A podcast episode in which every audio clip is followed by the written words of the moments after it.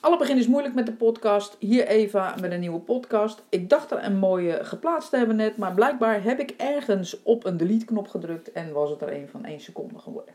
Als u die toevallig net heeft aangeklikt, dan spijt me dat. Dit is poging 2.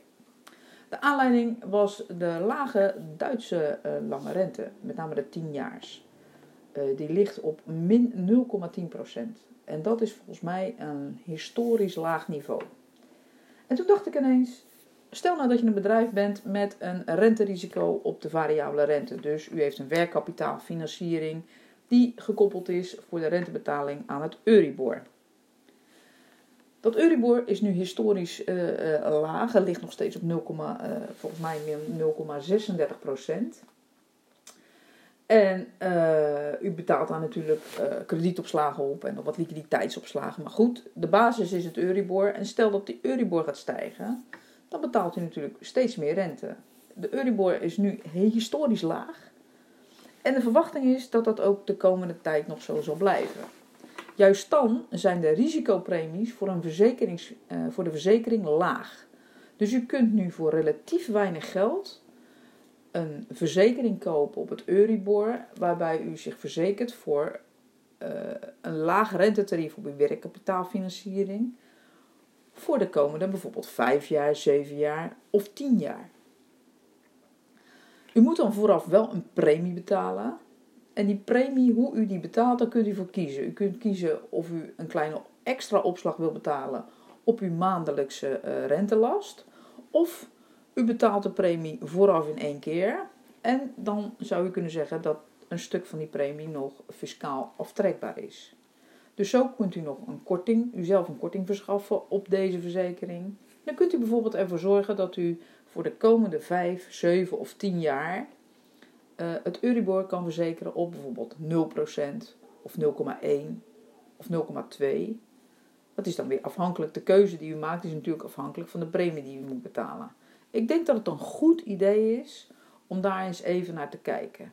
He, betalen al jarenlang de lage rente. Toen ik in 2015 en in 2016 heb ik het ook wel eens een paar bedrijven uh, laten zien hoe dat werkt. En nou, ik weet niet of daar ooit uh, gevolg aan gegeven is, volgens mij niet. Maar het heeft wel weer het bewustzijn even uh, gecreëerd van: oké, ja, ik, ik, ik heb bepaalde kosten en die zijn al jaren laag. Maar het is niet gezegd dat die rentekosten de komende jaren ook zo laag blijven. En het is altijd prettig als je de komende jaren weer met een vast bedrag kan rekenen, wat je kan reserveren, waarvan je zeker weet dat het nooit meer wordt. Dat even over de rente. Dus, oh, en ik vergeet nog te zeggen dat product noemen we een rentecap. Dat is iets heel anders dan de renteswap of IRS, waar de banken de afgelopen jaren heel veel uh, compensatie voor hebben uh, moeten betalen. En waarbij ik me wel afvraag of dat allemaal wel even terecht is. Want het IRS, de IRS is eigenlijk een prima product. Alleen, het is wel zaak dat bedrijven die een IRS of een renteswap afsluiten, dat is een renteruil van de korte naar de lange rente, dat je goed weet wat je doet. Dat, maar dat doet nu even niet ter zake.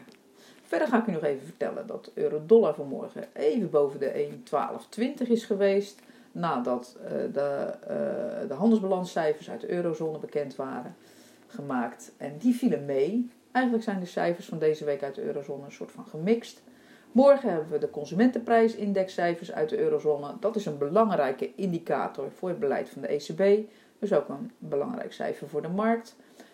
Uh, uit de Verenigde Staten hebben we morgen niet zo heel veel cijfers. het consumentensentiment uit Michigan dat is wel belangrijk. Dat staat met een rode balk aangegeven, dus daar kijken veel mensen naar. Uh, en uh, mevrouw Clarida, of meneer, ik weet eigenlijk niet eens zeker, uh, van de VET geeft een speech. Vandaag uit de VS hebben we nog de huizenprijzen, de, huizen, de nieuwgebouwde huizen, de overzicht van de nieuwgebouwde huizen over april en de toestemmingen voor de nieuwbouw van huizen en de uh, werkloosheidsuitkeringen, de, initial jobless claims tot 10 maart. Die jobless claims die komen elke week uit. Dus dat is een, uh, een, re retorische cijfer wat iedere keer uitkomt. Ehm, wel belangrijk als daar te, uh, dat is belangrijk als er rare afwijkingen in zitten. Ehm, dat was voor vandaag even de podcast. En die eigenlijk dus ging over het naar kijken naar uh, eventueel een verzekering voor uw rentebetalingen op de variabele leningen. Bedankt voor het luisteren. Uh, misschien een beetje volbarig, maar nu alvast een heel fijn weekend. Uh, morgen volgende, uh, in ieder geval volgende week weer een podcast. Morgen niet, wou ik zeggen. En bedankt voor het luisteren. En ik hoop dat de plaatsing van deze beter gaat dan de vorige. Want anders heb ik het voor niets gedaan. Tot ziens!